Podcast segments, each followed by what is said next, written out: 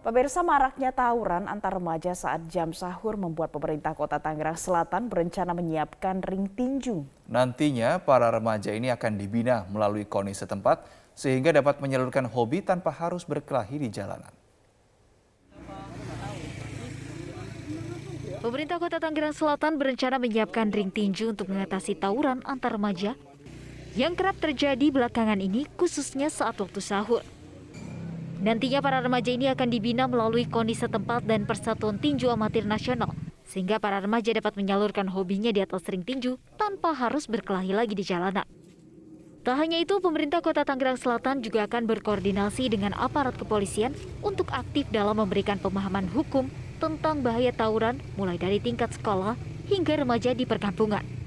Benyamin Davni selaku wali kota Tangerang Selatan berharap adanya fasilitas ring tinju ini dapat menyalurkan hobi para remaja dan bisa berprestasi menjadi atlet tinju nantinya. Tapi saya meyakini bahwa ini adalah kelebihan energi yang dimiliki anak-anak muda.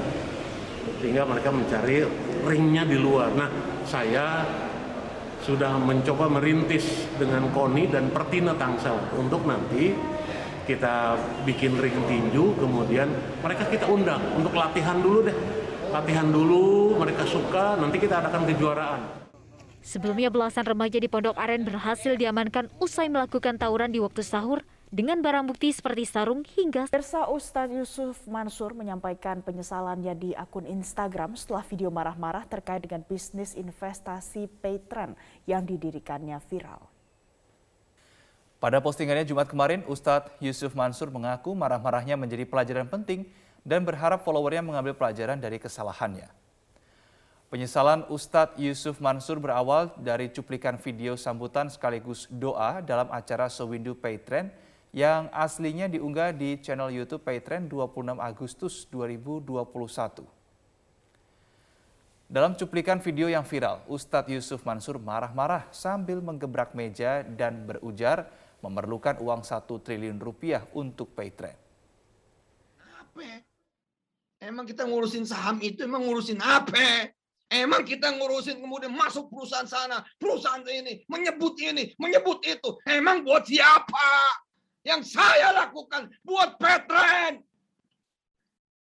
Bahkan tersangkut kasus uang prestasi atau ingkar janji.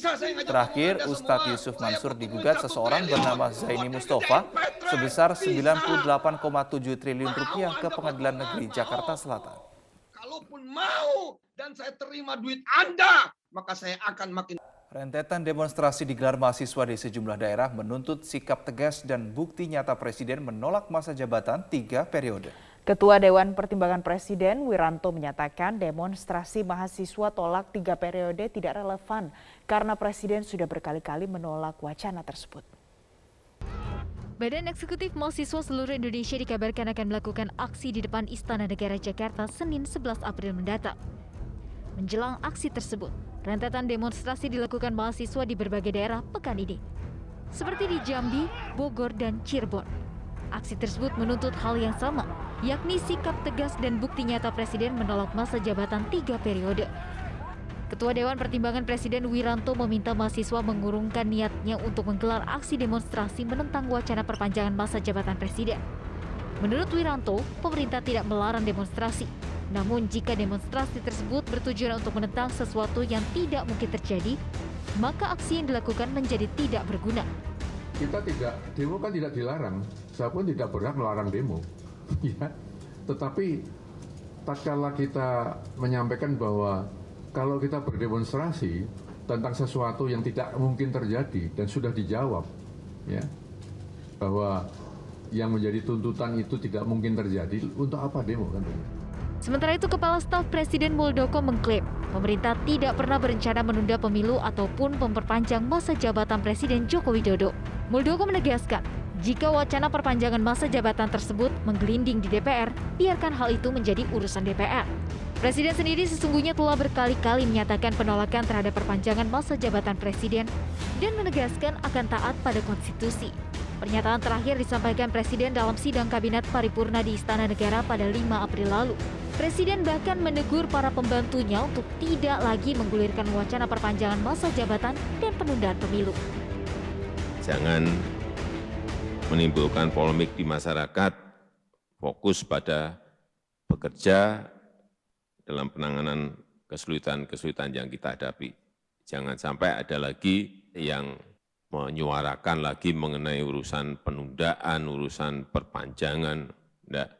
Saya rasa itu yang ingin saya sampaikan. Seruan Presiden ini sudah seharusnya mengakhiri polemik perpanjangan masa jabatan Presiden, baik di kalangan para pembantunya, partai politik, dan Ratusan warga di Kudus, Jawa Tengah saling rebut minyak goreng dalam basar minyak goreng Ramadan yang dijual lebih murah dari harga pasaran. Sejak dibuka, ratusan warga di Kecamatan Menjobo langsung menyerbu bazar minyak goreng Ramadan yang digelar di Masjid Besar Almawa, Desa Mejobo pada Sabtu sore. Banyak warga yang tidak tertib, hingga akhirnya lansia, anak-anak hingga balita yang digendong orang tuanya terhimpit di tengah kerumunan warga. Meski sudah memakai kupon dan hanya mendapatkan 2 liter minyak goreng kemasan, warga rela antri berjam-jam demi mendapatkan minyak goreng seharga Rp30.000. Dalam bazar Ramadan minyak goreng ini, penyelenggara membagikan 1.500 kupon dengan menyiapkan 3.000 liter minyak goreng kemasan, di mana per orang mendapatkan 2 liter minyak goreng kemasan. Antrian panjang kendaraan roda 2 maupun roda 4 masih terjadi di sejumlah stasiun pengisian bahan bakar umum. Antrian dipicu kelangkaan BBM jenis subsidi seperti Pertalite dan juga solar. Menipisnya pasokan bahan bakar minyak jenis Pertalite dan juga Pertamina jam, dari Pertamina Jambula Ternate ke stasiun-stasiun pengisian bahan bakar umum menyebabkan antrian panjang kendaraan. Di salah satu SPBU Kampung Pisang, Kota Ternate, Antrian panjang kendaraan ini juga dipicu karena masyarakat berpindah dari Pertamax ke Pertalite, sehingga kuota yang disediakan tidak mencukupi. Pihak Pertamina Jambula Ternate mengatakan stok BBM berbagai jenis masuk pertal, termasuk Pertalite sampai saat ini masih aman hingga 18 hari ke depan. Sementara itu pemirsa di kota Muara Bulian, Jambi, Antrian kendaraan yang akan mengisi solar masih saja terjadi. Antrian mengular tidak kurang dari 5 km.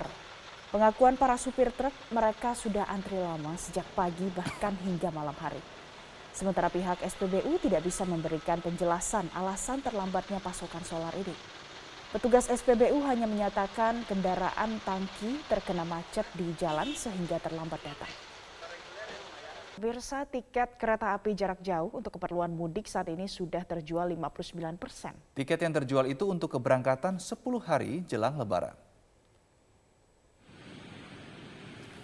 Untuk keberangkatan mudik lebaran periode 22 April hingga 1 Mei, keterisian tempat duduk hingga saat ini sudah mencapai 59 persen atau sebanyak 198.374 tiket.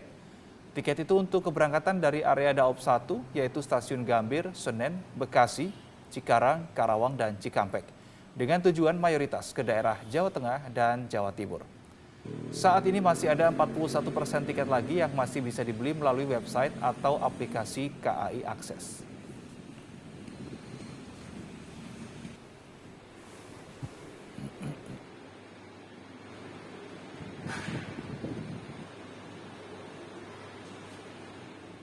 Sementara itu gelombang arus mudik mulai terlihat di stasiun Pasar Senen Jakarta Pusat dan Terminal Kalideres. Lebih dari 3.500 penumpang meninggalkan Jakarta dari stasiun Senen. Suasana di stasiun Senen hari ini sudah mulai diramaikan calon pemudik.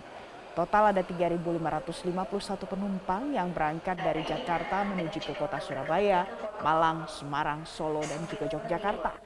PT KAI Daop 1 memprediksi jumlah penumpang akan terus meningkat terutama 10 hari sebelum lebaran karena periode 22 Mei sampai dengan 1 April 2022 tiket sudah terjual hingga 60 persen.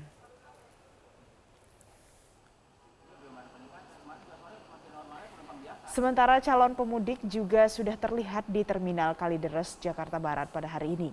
Namun diprediksi puncak mudik terjadi pada tiga hari menjelang lebaran. Saat ini segala sarana dan prasarana mulai dipersiapkan seperti posko kesehatan dan pos terpadu mudik lebaran.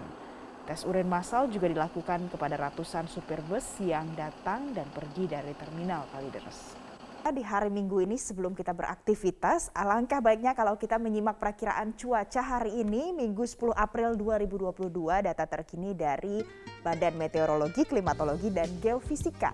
Ini merupakan data gambar terkini dari satelit Himawari 8EH milik BMKG yang disiarkan langsung ini merupakan kondisi terkini saat ini. Kalau kita lihat di beberapa pulau yang ada di Indonesia untuk bagian yang berwarna sedikit terang, yang berwarna jingga ataupun oranye, ini akan menunjukkan adanya potensi terbentuknya awan hujan di sekitar daerah tersebut dan berpotensi menimbulkan hujan untuk hari ini sampai dengan siang hari nanti.